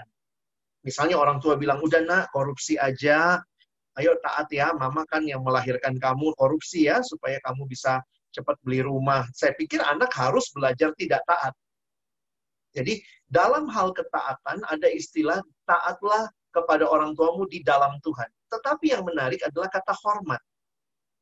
Di dalam kata hormat di berbaba uh, memang agak beda Efesus sama Kolose ya, tapi ada di bagian tertentu tidak disebut dalam Tuhan. Dalam pengertian begini, hormatilah orang tuamu, entah orang tuamu orang tua yang baik, orang tua yang nggak baik, bapak yang bertanggung jawab, ibu yang bertanggung jawab atau tidak, kamu harus hormat. Dan sikap hormat ini yang sering kali begitu kita nggak taat, kita langsung nggak hormat. Itu yang saya pikir kadang agak sulit. Nah tadi Ibu Lolen tanya lagi gitu ya, bagaimana kalau anak dan orang tua standarnya beda? Sebenarnya balik lagi ya, um, sorry buat Bapak Ibu, saya harus mengatakan ini sekali lagi ya, bahwa sebaiknya dari kecil kita membiasakan anak-anak membaca, merenungkan firman Tuhan sebagai keluarga. Mungkin kebiasaan yang baik karena masa pandemi ini kita jadi banyak ibadah di rumah, mungkin sesudah itu bisa diskusi sedikit tentang firman Tuhan yang disampaikan, poin saya adalah perhatikan kalimat buat orang tua. Dikatakan, hai orang tua, jangan bangkitkan amarah anakmu, tetapi didiklah mereka di dalam kebenaran firman Tuhan. Nah, itu ada tadi tuh. Didiklah mereka di dalam kebenaran firman Tuhan atau di dalam uh, standar kalau tadi bahasa Indonesia sehari-hari menggunakan istilah tata tertib dan pengajaran Tuhan bahasa terjemahan baru, didiklah mereka dalam ajaran dan nasihat Tuhan. Ya, eh, sebenarnya kan kalau kalau ini sudah diajarkan dari kecil, sudah dibiasakan, harusnya anak-anak pun bisa melihatnya dari ajaran dan nasihat Tuhan. Jadi bukan standar orang tua. Mungkin orang tua bisa gagal dalam standar. Sorry nih, papa hari ini bohong di kantor. Ya mungkin ya dalam realita kita tidak sempurna, kita mungkin jatuh dalam dosa. Tetapi kalau anak-anak terbiasa dididik dalam nasihat dan ajaran firman Tuhan, maka mungkin ada saatnya anak yang ingetin orang tua, Pak, jangan bohong. Nanti anak, orang tua juga bisa ngomong sama anak, inget kan, kita udah pernah baca Alkitab, jangan curang, jangan nyontek ya di sekolah ya. Ya mungkin sorry, saya ngomongnya kesannya gampang ya, tetapi Bapak Ibu memang itu sesuatu yang harus dibiasakan dan dibangun. Dan di situlah saya pikir bagian masing-masing anak taat dan hormat kepada orang tua yang memang mendidik mereka dalam nasihat dan ajaran firman Tuhan. Bukan sekadar tradisi keluarga. Kita di tradisi keluarga kita begini. Enggak, standarnya bukan standar Bapak Ibu, tapi standar firman Tuhan. Nah, syukurnya kalau standar Bapak Ibu adalah standar firman Tuhan dan anak bisa melihat itu Bapak Ibu praktekkan dalam hidup sehari-hari. Mungkin begitu Pak David. Baik, saya kira sudah cukup menjawab ya, Ibu Lolen. Um, baik, berikutnya saya akan bacakan Pak Alex. Uh, ada satu pertanyaan lagi, satu pertanyaan dari Bapak Joko Raharjo.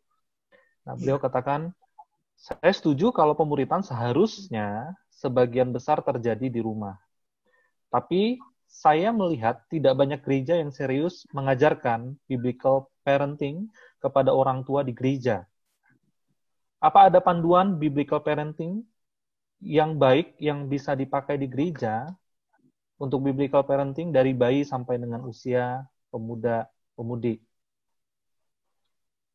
Ya. Oke, okay. um, mungkin saya bisa serahkan nanti juga ke Bapak Ibu atau lause yang ada di gereja yang mungkin juga memahami dan belajar hal ini.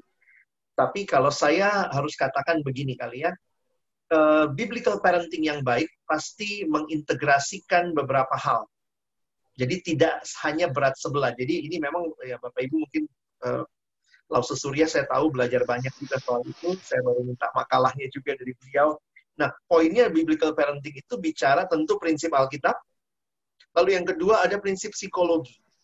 Jadi uh, jangan, saya pikir jangan cuma yang psikologinya aja gitu tapi nggak ada prinsip Alkitabnya. Atau jangan cuma Alkitab aja, tapi tidak ada wawasan psikologinya. Dan termasuk juga wawasan uh, praktisnya dalam hal skill apa yang harus dibangun oleh orang tua. Jadi biblical parenting yang baik itu sebenarnya menggabungkan beberapa hal secara secara menyeluruh, bukan hanya berat sebelah. Nah, sedikit Mas uh, saya sampaikan begini. Karena di dalam Alkitab prinsip-prinsip kebenarannya jelas Nah, ketika uh, psikologi Kristen masuk, maka setiap usia itu ada yang namanya tugas perkembangan. Hmm. Jadi teman-teman yang belajar psikologi tahu itu ya, Howie dan teman-teman tahu ya, ada yang namanya uh, uh, developmental task. Anak umur 0 sampai 3 tahun, apa tugas perkembangannya yang harus dia capai?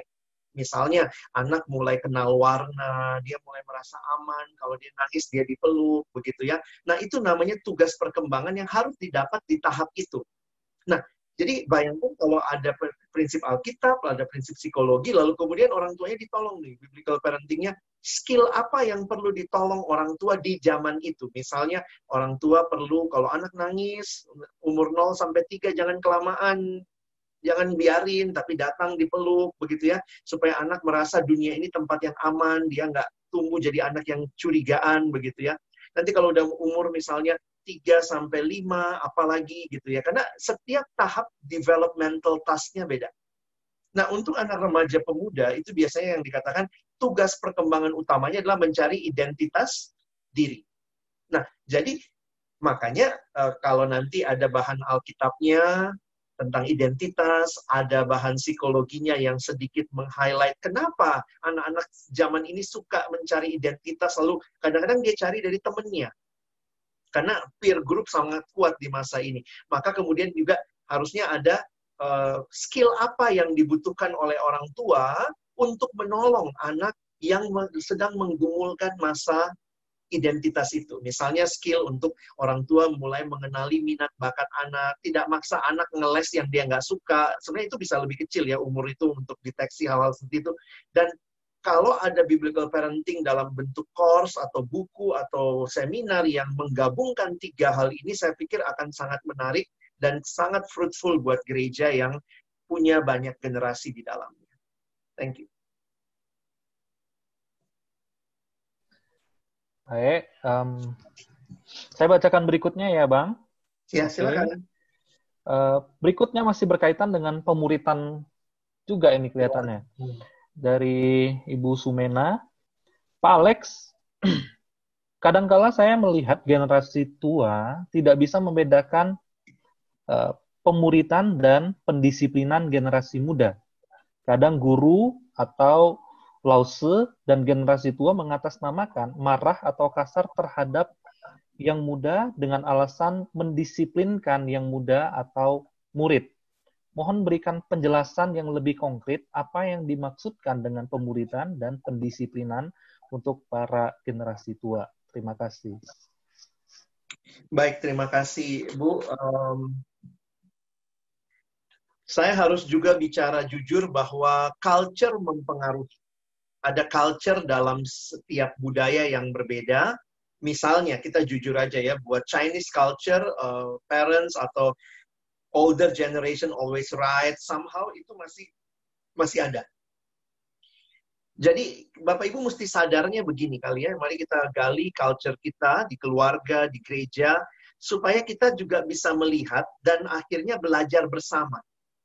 Saya melihat dalam banyak hal misalnya begini ya, um, banyak orang tua yang mungkin dididik zaman dulu, yang selalu orang tua itu benar, orang tua itu benar, mereka lah patokan segala macam. Lalu kemudian anak dikirim sekolah di luar negeri, yang di sana terbuka, kita bisa ngomong sama dosen aja panggil namanya, kita bisa nggak setuju sama ajaran dosen dan dosennya nerima begitu. Nah waktu pulang itu bisa culture shock itu, karena realitanya culture-nya yang berbeda. Nah saya harus mengatakan juga bahwa Tuhan Yesus hadir dalam culture yang Yahudi pada waktu itu dan kita pun mesti mempelajari culture kita supaya kita bisa fit in. Tentu ada prinsip yang sama, komitmen, kebenaran, tetapi dalam banyak hal misalnya marah di culture tertentu itu dianggap sebagai sayang gitu kan. Kita suka dengar begitu kan. Papa tuh marah sama kamu karena papa sayang. Nah sekarang masalahnya adalah apakah anaknya mengerti itu sayang? Atau yang mesti berubah nih jadi siapa nih yang mesti berubah?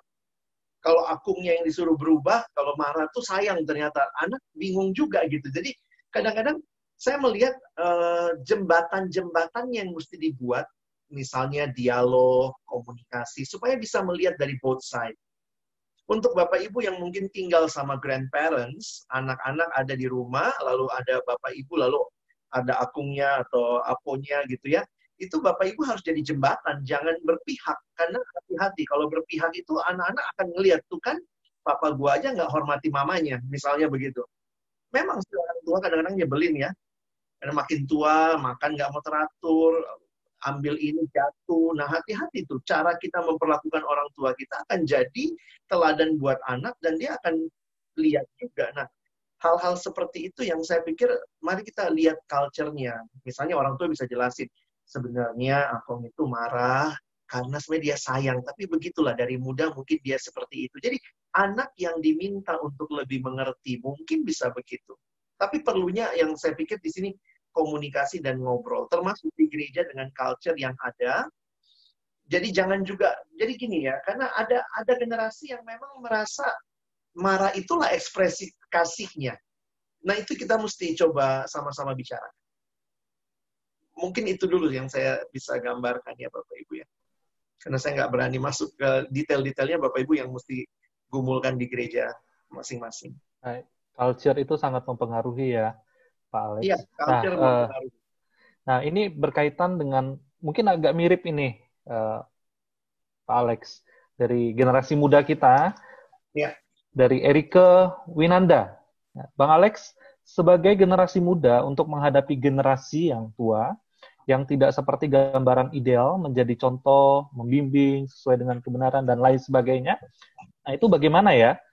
Untuk generasi muda, share apa pemikiran dan perasaan mereka ke generasi tua juga sulit karena dianggap tidak berpengalaman. Bahkan kadang uh, dianggap melawan atau keras kepala. Apakah hanya bisa mendo bias mendoakan dan berserah saja? Thank you. Jadi ada dua cara berpikir yang berbeda. Jadi gimana ya. nih Bang kira-kira? Dalam banyak hal yang saya lihat atau saya orang sharing begitu ya, khususnya anak muda ya, dalam banyak hal yang waktu mereka sharing, biasanya masalahnya adalah cara. Sorry ya, mungkin ini agak klise, tapi saya melihat beberapa itu masalah utamanya cara. Misalnya begini, ada orang tua yang bingung, eh, anak saya tuh nggak mau dengerin saya. Kenapa? Karena dia belum selesai ngomong, anaknya motong. Jadi waktu saya ketemu sama anaknya, saya bilang sebenarnya gini loh, papa tuh mau dengerin kamu, papa kamu tuh mau dengerin kamu, cuma dia punya kebiasaan, lu jangan motong dulu, dengerin dulu. Sementara anak ini merasa kalau saya diem, berarti saya kalah. Jadi kadang-kadang masalah cara sih ya. Nah, eh, akhirnya saya saya bilangnya begini, memang tentu orang tua tidak sempurna, anak tidak sempurna. Bisa salah pendapatnya. Tapi mau nggak kita dengan attitude yang jelas, dengerin dulu. Dengerin, tangkap intinya, dan di balik intinya itu sebenarnya saya sangat berharap anak tetap menangkap bahwa orang tua ini ngomong begini karena dia sayang sama saya. Jadi, kalau itu yang dia tangkap sebenarnya akan menarik. Nah, saya biasanya kalau sama anak muda, saya juga bilang begitu kamu belum pernah punya anak. Bayangkan kamu punya anak. Jadi ini kan kalau dalam psikologi kita bicara peran ya. Coba tempatkan diri kamu di posisi papa mama. Kira-kira kalau kamu punya anak, kayak apa? Terus mungkin dia bilang, ah kalau saya nanti punya anak, semuanya saya biarin dia mau apa aja silakan. Oh gitu ya. Jadi kita akan membimbing mereka, tapi kita juga memberikan mereka kesempatan melihat dari perspektif yang berbeda. Nah, ini PR besar dalam hal itu saya melihat kadang-kadang kalau mentok di keluarga dalam arti sulit sekali, maka sebenarnya peran gereja dan sekolah, makanya saya melihat ini tiga ya, segitiga gereja, sekolah, dan keluarga itu sebenarnya pemegang peranan penting. Misalnya di beberapa situasi ada orang tua yang sulit sekali komunikasi sama anaknya mentok terus, maka mungkin bisa minta ada yang begitu ya coba deh koko yang ngomong lah sama anak gua gua nggak bisa lagi ngomong. Nah akhirnya mungkin ada peran-peran sebagai pembimbing rohani di gereja yang masuk tuh. Nah poin saya adalah mari usahakan jangan jadi ketika beda pendapat lalu kemudian kita give up lalu berantem tentu sikap paling sederhana yang kita bisa lakukan dengar terima doain. Tapi di sisi yang lain mari kita usahakan juga. Beberapa kali saya bilang sama anak remaja begini setelah papa mamamu ngomong begitu, terus kamu ngapain? Ya gue banting pintu, kok gue masuk kamar, gue kunci. Aku bilang, lo, kamu nggak bilang terima kasih ya? Maksudnya saya ngajarin juga sisi yang lain. Coba bilang terima kasih. Terima kasih ya papa mama udah kasih pikiran seperti itu. Koko atau uh, dia sebut namanya ya nanti nanti saya pikirin ya. Atau sebenarnya orang tua juga bisa masuk kepada wilayah yang lebih rohani tentunya kalau perbedaan pendapat. Yuk kita doa sama-sama yuk. Lalu atau mungkin kita tanya Muse ya, kita sama-sama datang ke Muse, kita datang ke Lause, kita ngobrol. Jadi kita dapat pandangan lain. Sesudah itu kita pulang, jangan saling nyalahin tuh kan, papa benar, kamu sih gitu ya. Nggak, atau anak ngomong tuh kan, papa salah tuh, didengar kata Muse tadi. Tapi benar-benar sikap sama-sama mau belajar. Nah, ini membangunnya, saya pikir Bapak Ibu jangan tunggu anak udah gede ya, dari kecil seharusnya. Tapi kalau sudah gede ya kita pakailah gereja, sekolah mungkin ada guru yang dia dengerin, itu bisa jadi cara karena kita mau memperjuangkan generasi yang muda dan tua juga untuk connecting. Thank you. Baik, iya, uh, mudah ya kelihatannya, Bang Alex, tapi ya jangan mudah. sampai sampai kita menyerah, mari kita berusaha juga ya untuk saling berkomunikasi, begitu ya. Betul, Oke, betul. jelas ya mungkin Erika. Jadi um, kita bisa, ya mungkin saran saya harusnya tadi ajak orang tua sama anak sama-sama ikut seminar ini, betul? eh, bisa saling mengerti, bukan? Okay. Lalu, uh, thank you, thank you. Rekamannya kan ada nanti, Pak. Bisa okay, baik. saling dengar ya. ya, mungkin rekamannya nanti boleh di-sharingkan ke orang tuanya supaya sama-sama belajar. Oke, okay, baik. Um, berikutnya ini ada satu dari kaum muda kita juga nih, Bang Alex. Dia tanya soal perceraian begitu ya. Bang Alex kan tadi bahas soal perceraian. Nah, eh, gue mau tanya, kenapa anak-anak yang broken home selalu dimusuhin dan dijauhin sama orang? Ini pengalaman gue, Bang. Gue salah dikit langsung dijudge. Ya kan anaknya broken bla bla bla. Dijauhin hmm. dan menyuruh anak-anaknya nggak boleh berteman sama gue di gereja GKY beberapa orang seperti itu termasuk hamba Tuhan, tapi tidak semua hamba Tuhan ya. Nah, yang judge people yang judge people orang yang broken home itu anak yang tidak pantas dijadiin teman. Gimana menghadapi orang-orang seperti ini dengan cara pengajaran Kristus? Thank you, ya. Bang. Dari Anthony. Oke, okay. halo Anthony. Apa kabar? thank you kejujurannya. Anthony salah satu anak yang luar biasa saya lihat dalam pembentukan Tuhan buat dirimu. Uh, Koko cuma ingetin gini aja. Identitasmu ada di dalam Tuhan. Jadi kita tidak didefinisikan dari kondisi keluarga kita. Setiap kita didefinisikan dari kita adalah gambar rupa Allah yang diciptakan segambar dan serupa dengan Allah. Itu yang harus kamu pegang. Tapi yang kedua, kamu tidak bisa mengontrol apa yang orang lain harus katakan tentang dirimu. Yang bisa kamu lakukan adalah berjuanglah jadi anak yang tidak terkait dengan masa lalu, lalu kamu jadi broken, jadi hancur hanya karena masa lalumu atau mungkin kondisi keluargamu. Kamu tidak bisa mengontrol apa kata orang yang bisa kamu lakukan adalah menghidupi identitasmu, menjadi teladan, dan dalam anugerah Tuhan tentunya biarlah kamu juga jangan jadi orang yang benci sama orang yang masih salah mengerti kamu. Ya, nikmati saja sebagai satu bagian yang Tuhan berikan. Tentu saya yakin di gereja ini Tuhan juga pakai banyak orang kan untuk membangun kamu, menyemangati kamu, ada komunitas-komunitas yang dari dulu kita remaja kan ada teman-teman yang yang ya bisa jadi best friend begitu. Ya bagi saya kita nggak bisa kontrol kalimat orang, tapi yang bisa kita kontrol adalah diri kita untuk tidak jadi seperti itu dan dalam anugerah Tuhan memang Tuhan mau kita jadi seperti yang Dia mau.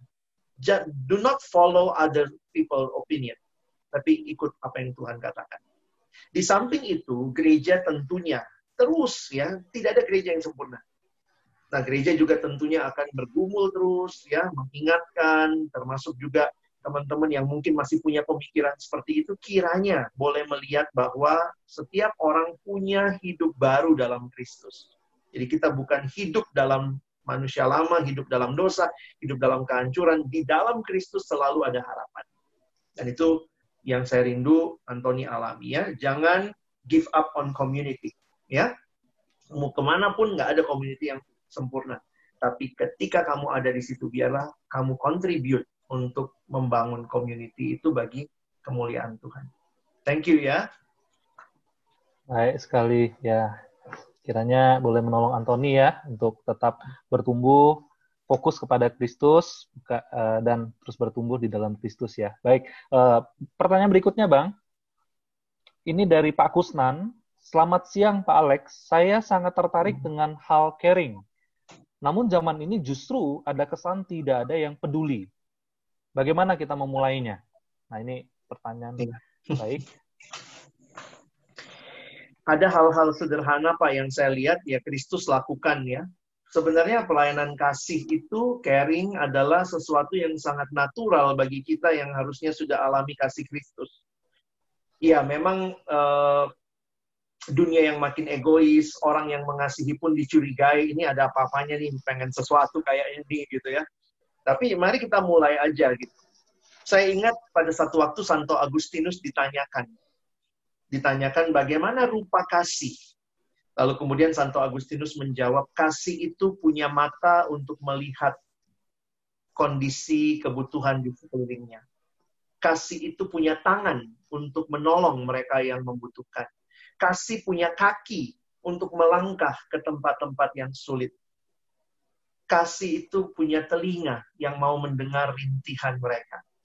Saya berpikir bahwa kasih itu pada akhirnya bukan sesuatu konsep, tetapi sebuah tindakan realita yang meneladani Kristus. Mungkin kita hanya cukup memberi telinga kita mendengarkan. Kadang-kadang kalau lagi pandemi seperti ini, ada teman yang mau nelfon atau mungkin kita nelfon memberi perhatian, saya pikir uh, itu bisa tuh menarik tuh untuk bisa akhirnya ya kita hanya dengar mungkin kita nggak berikan solusi apa-apa tapi realitanya orang butuh didengar gitu hmm. Dan mari mulai dari tempat yang ada bapak ada di mana bapak bisa lakukan apa dan kemudian nanti berharap itu kemudian menular juga jadi gerakan kasih yang indah thank you baik mulai dari diri sendiri ya hal-hal yang kecil ya bang ya Iya, nggak usah mikir jadi Ibu Teresa dulu. baik, baik, baik. Um, Oke, okay. ada satu pertanyaan lagi nih Bang yang masuk okay. uh, eh, dari anak muda. Saya kira ini pertanyaan yang cukup relevan juga begitu ya. Bang, ada titipan pertanyaan dari pemuda nih. Ya, Howie. Howie, Howie ya. Kenapa kok susah banget rasanya untuk minta maaf ke orang tua? Wah, oke. Okay. Ah, sebenarnya semua manusia berdosa sulit untuk mengampuni gitu ya. Tapi dalam anugerah Tuhan, saya pikir ketika kita alami kasih Tuhan, maka di dalam Kolose 3 ayat 13 misalnya, ampunilah seorang akan yang lain, sama seperti Kristus telah mengampuni kamu. Jadi saya terus bergumul bahwa uh, itu bukan masalah anak muda. Jadi jangan berpikir, oh sulit minta maaf sama orang tua itu masalah anak muda. Orang tua juga sulit minta maaf sama sesamanya atau bahkan ke anak juga. Tapi itu sesuatu yang mungkin dilakukan oleh orang-orang yang telah mengalami penebusan dalam Kristus. Dan itu yang Alkitab ingatkan. Karena itu saya pikir gini ya, mari terus mengarahkan diri setiap hari kita diasah, diarahkan oleh firman Tuhan. Saya suka berpikir seperti ini kali ya, kalau kita main musik gitu ya, saya main gitar lah. Kapan sih kita butuh nyetem gitar itu? Saya pikir gitar harus di stem, mungkin setiap kali mau main di stem lagi, latihan di stem lagi gitu ya. Hidup kita juga harusnya begitu. Mari kita nyetem lagi gitu ya. Setiap pagi baca renungkan firman Tuhan, setiap kali ibadah di gereja firman Tuhan seperti kembali menyetem hidup kita mengarahkan supaya hidup kita jangan sumbang nadanya. Jangan fales. Karena dunia ini mengatakan apa? Lu jangan minta maaf kalau dia yang salah, dia yang mesti minta maaf sama lu gitu ya. Tapi kita disetem lagi. Sama seperti Kristus telah mengampuni kamu, kamu perbuatlah juga demikian. Jadi, mari ingatkan lagi. Nah, tapi kalau ditanya praktis, kenapa orang uh, anak muda sering kali uh, susah, mungkin kalau bicaranya, saya melihatnya yang tadi yang saya tulis ya, bisa jadi karena pemahaman saya lebih benar, lebih baik, generasi saya lebih baik daripada dia gitu. Tapi ya itu semua ada asumsi di baliknya yang saya pikir ya akarnya sih dosa yang sulit untuk mengampuni sesama gitu. Thank you.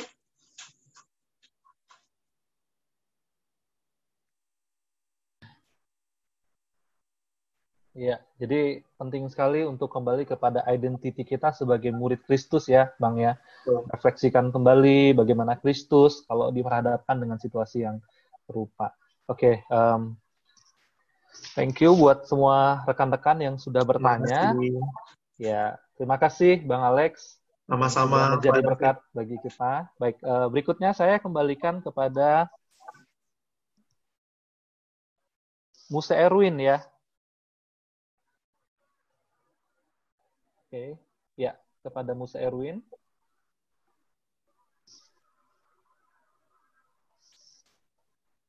Oke, baik Musa.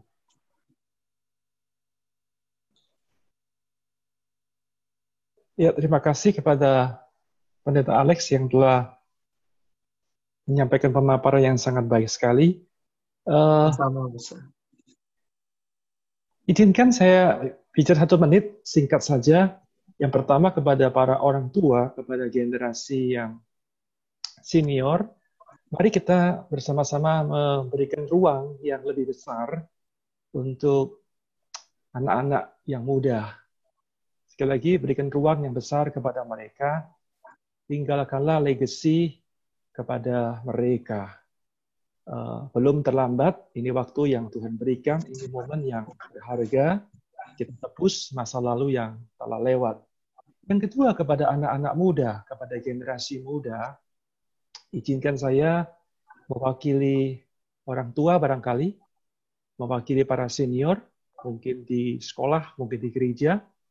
Jikalau seandainya andai kata kalian anak-anak muda pernah terluka, pernah kecewa, pernah uh, merasa tidak nyaman dengan orang-orang tua, izinkan saya mewakili mereka untuk say sorry dengan kalian.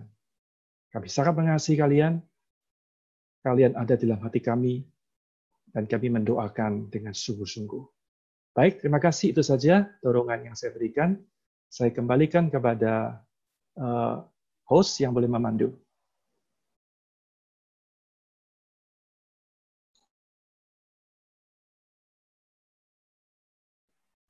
Kami persilakan Lause Surya untuk closing statement. Thank you pada uh, sore hari ini. Saya merasa tidak ada kata terlambat untuk melakukan sebuah rekonsiliasi dan mari kita mulai dari diri kita sendiri, baik suami istri maupun orang tua anak. Um, kita pakai kesempatan yang baik ini. Uh, selama pandemi kita punya banyak waktu bersama, mari kita pakai untuk merefleksikan apa yang sudah kita pelajari hari ini, uh, kita mungkin tidak bisa lakukan semua hal yang kita pelajari dalam waktu bersamaan, tetapi mari kita coba mulai satu demi satu. Dan kita coba lakukan rekonsiliasi di dalam relasi kita dengan sesama pasangan kita ataupun dengan anak-anak kita. Dan saya percaya waktu kita punya attitude seperti itu, saya percaya kita juga terbuka terhadap uh, kuasa Roh Kudus dan uh, firman-Nya bekerja dalam diri kita sehingga apa yang kita pelajari ini firman Tuhan bekerja dalam kehidupan kita dan mengubahkan kehidupan keluarga kita. Saya pikir ini juga salah satu peran gereja dalam mendampingi orang tua murid apa orang-orang tua uh, jemaat ya untuk bisa sama-sama kita uh, memulai uh, sebuah um, kehidupan Eh, relasional yang baik antara kita dengan Tuhan dan kita dengan sesama kita. Mari kita sama-sama tundukkan kepala, kita berdoa, kita mengucap syukur, kita berterima kasih kepada Pendeta Alex Nanolohi. Bapak di surga, kami bersyukur satu kesempatan yang indah Tuhan Engkau berikan kepada kami setiap kami sore hari ini, kami boleh belajar bersama, kami boleh sharing terbuka dengan kehidupan kami, kami percaya Tuhan, Engkau hadir di tengah-tengah uh, kondisi kami selama pandemi ini, juga di dalam keluarga kami. Dan kami mau memulai rekonsiliasi kalau terjadi ada hal-hal friksi di dalam kehidupan kami, dalam suami istri ataupun orang tua anak. Tuhan, biarlah kami mau mulai dari diri kami sendiri, kami mau merendahkan hati kami di hadapan Tuhan, menyadari kelemahan kami dan membiarkan merelakan diri kami diubahkan oleh Tuhan melalui Roh Kudus dan kuasa firman-Mu, Engkau bekerja mengubahkan kami sehingga rekonsiliasi terjadi di dalam rumah tangga kami dan kami semua seisi keluarga memuliakan Tuhan. Kami percaya Tuhan, kami jauh dari sempurna untuk bisa melakukan semua tips-tips komunikasi yang kami pelajari. Tetapi Tuhan, kami dengan rendah hati sekali lagi kami mau belajar melakukan satu demi satu karena cinta kami kepada Engkau Yesus. Terima kasih Bapa, biar Engkau terus menuntun kehidupan kami, berkati hambamu Pendeta Alex Tanlohi, pakai dia secara luar biasa di dalam pekerjaan pelayanannya, dan melalui hambamu ini namamu ditinggikan, dimuliakan, banyak generasi muda dan keluarga-keluarga dibawa kembali kepada Yesus Kristus sebagai Tuhan dan Juru Selamat. Terima kasih Bapa. Ini doa dan syukur kami dalam nama Yesus, Tuhan dan Juru Selamat kami. Kami berdoa. Amin.